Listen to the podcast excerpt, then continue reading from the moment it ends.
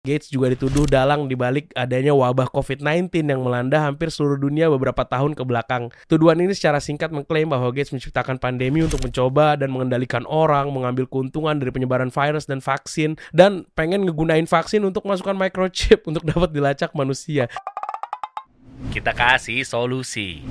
Orang ini keluar dari Harvard demi ngebangun software dan hari ini jadi orang terkaya ketujuh versi Forbes Magazine. Siapa yang nggak pernah dengar nama Bill Gates? Sosok kontroversial yang namanya sering dikaitin sama teori-teori konspirasi dunia. Ya dari mulai dibilang dalangnya wabah COVID-19 yang katanya bisa naruh microchip terus ngelacak manusia, terus tiba-tiba jadi aware sekarang sama climate change dengan encourage orang untuk konsumsi plant-based meat, sampai rumor dia bikin nyamuk buatan untuk memberantas DBD yang bahkan bilang bisa bikin orang jadi LGBT. Pokoknya dari semua kebetulan yang ada, nama dia hampir selalu muncul ketika krisis lagi melanda dunia. Gue yakin lo at least udah pernah denger nama dia dalam hidup lo. Yes, dia lo founder dari Microsoft yang softwarenya pasti lo pernah pakai. Tapi lo udah tahu belum gimana Microsoft ini awal mula terbentuknya dan gimana ceritanya Microsoft bisa rivalan sama Apple. Kalau lo mau tahu gimana perjalanan dia ngebangun Microsoft yang banyak sekali kontroversinya, lo tonton video ini sampai habis. Sebelum itu, seperti biasa kita kenalan dulu sama Bill Gates dan rekannya Paul Allen yang sama-sama ngebangun Microsoft. Kok ada Paul Allen? Emang dia siapa? Bukannya foundernya itu Bill Gates. Tapi lu tunggu dulu, akan gue ceritain kisah hidup mereka di episode kali ini.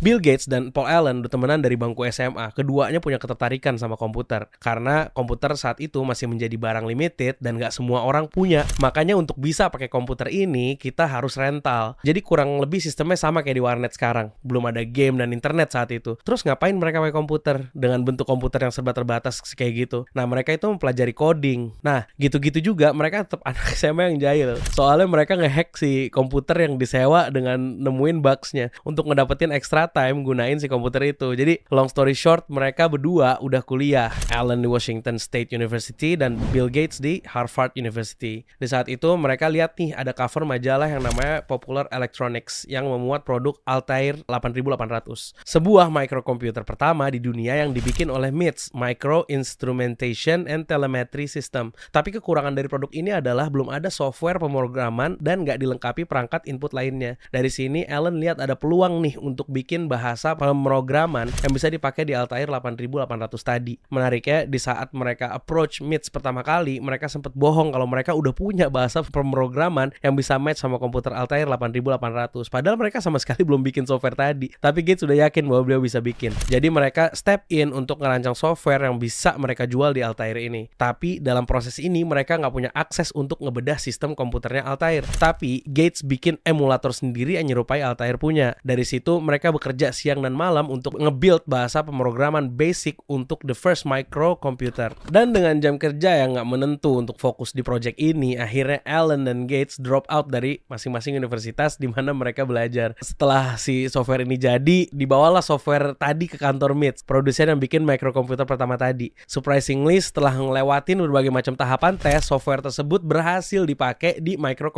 Altair 8800 dan ini ngebawa Allen dan Gates untuk menandatangani perjanjian lisensi dengan MITS. Dan mereka dapat revenue sebesar 16.000 dolar di tahun 1975. Ini jadi cikal bakal mereka nge-build perusahaan sendiri yang kita tahu sekarang dengan nama Microsoft. Microsoft ini adalah kependekan dari Microcomputer Software yang diresmikan pada tanggal 4 April 1975. Allen dan Gates udah punya small crew-nya sendiri nih ketika ngebangun Microsoft. Makanya mereka itu mulai ngerjain project lain, salah satunya adalah MS-DOS, sistem operasi yang menjadi produk dominan Microsoft kurang lebih selama periode 1980-an. Perusahaan IBM, perusahaan multinasional yang bergerak di bidang teknologi, tertarik untuk beli lisensi MS-DOS dari Microsoft. Ini berarti bahwa untuk setiap komputer IBM yang terjual, sebuah royalti dibayarkan kepada Microsoft. Di titik ini Microsoft mulai dikenal masyarakat dan mengglobal seperti sekarang. Hampir di setiap rumah pasti ada yang pakai produk Microsoft ini. Banyak proyek yang Microsoft handle sejak 1975. Allen dan Gates bersinergi bersama untuk mengembangkan perusahaan dengan mensupport berbagai software dan berinovasi untuk menciptakan sesuatu yang baru yang bisa mendukung pekerjaan manusia menggunakan komputer. Tapi di tahun 1983, Allen terdiagnosa penyakit kanker getah bening yang menyebabkan dia harus step down dari pekerjaan day-to-day-nya di Microsoft, tapi still remain as the vice chairman of Microsoft. Untuk ngebahas perjalanan Microsoft ini bakalan panjang banget karena berhubungan sama perkembangan komputer dan internet dari tahun 90-an sampai 2000-an. Tapi di video ini gue akan lebih ngebahas terkait banyaknya kontroversi yang mengelilingi Bill Gates selama perjalanan panjang dalam mengembangkan bisnisnya. Salah satunya rivalry Gates dengan Steve Jobs. Ini bakal seru nih. Jadi ketika Steve Jobs dan Steve Wozniak lagi ngedevelop produk Macintosh di tahun 1984, mereka butuh bantuan dari Bill Gates untuk bikin productivity software kayak word processing and spreadsheet-nya. Tapi untuk versi user interface-nya Apple, makanya Gates jadi punya prototipenya Macintosh jauh sebelum dirilis ke publik. Gates suka banget sama desain Macintosh yang dibikin sama Apple dan minta Steve Jobs biar softwarenya ini bisa dijual di luar ekosistemnya Apple.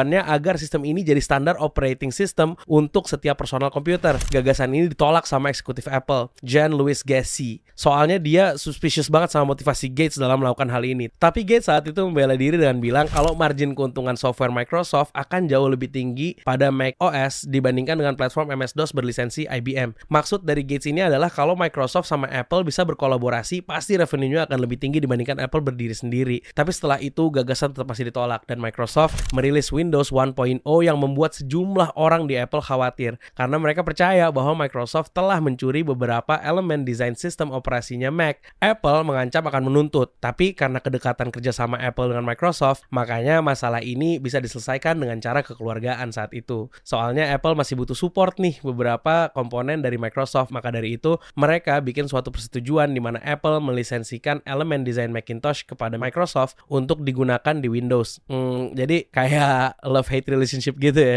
berantem tapi masih butuh satu sama lain.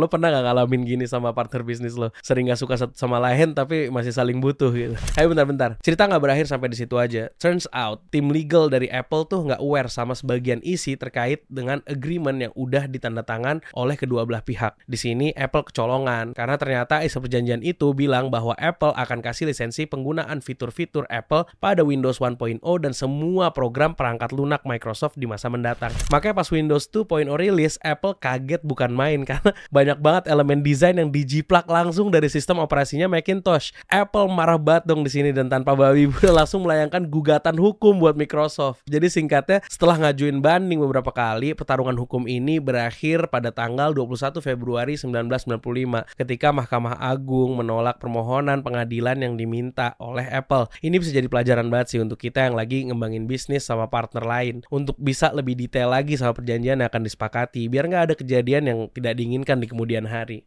Tentunya dari kejadian ini ada dampak yang dirasakan keduanya. Ya, di satu sisi Microsoft Windows jadi makin terkenal. Di sisi lain Apple tidak mampu mengimbangi sehingga pada tahun 1996 Macintosh tampak dalam bahaya kegagalan yang sangat nyata. Di episode kali ini gue gak akan bahas lebih jauh tentang Apple, tapi kalau lo mau gue bahas dari sudut pandang Apple tentang masalah ini, lo tulis di kolom komen. Melanjutkan lagi perjalanan Microsoft di tahun 2000-an sampai saat ini diwarnai dengan banyak kontroversi yang menimpa sang founder. Dari mulai kecurigaan masyarakat tentang dia yang secara gerilya owning a large sector of farmland di US dan usut punya usut, alasan dia ngelakuin ini tuh karena dia bisa melihat bahwa industri pertanian ini merupakan investasi yang memberikan value. Mengutip kata Bill Gates ketika diwawancara terkait hal ini, he responded, I own less than 1 per 4,000 of the farmland in the US. I have invested in these farms to make them more productive and create more jobs. There isn't some grand scheme involved. In fact, it's all decision are made by professional investment team. Dia bilang bahwa nggak ada niat tersembunyi di balik luasnya lahan pertanian yang dia beli. Ini semua pure untuk membuka lapangan kerja baru. Tapi akhir-akhir ini gue lihat Bill Gates banyak bicara tentang synthetic meat atau daging buatan. Bill Gates beropini bahwa negara-negara yang kaya sebaiknya shifting nih ke konsumsi synthetic meat. Dia ngusulin hal ini dengan beralasan bahwa dengan perubahan iklim hari ini atau climate change di hari ini bisa disebabkan karena pupuk dan limbah sapi yang menyebabkan gas efek rumah kaca.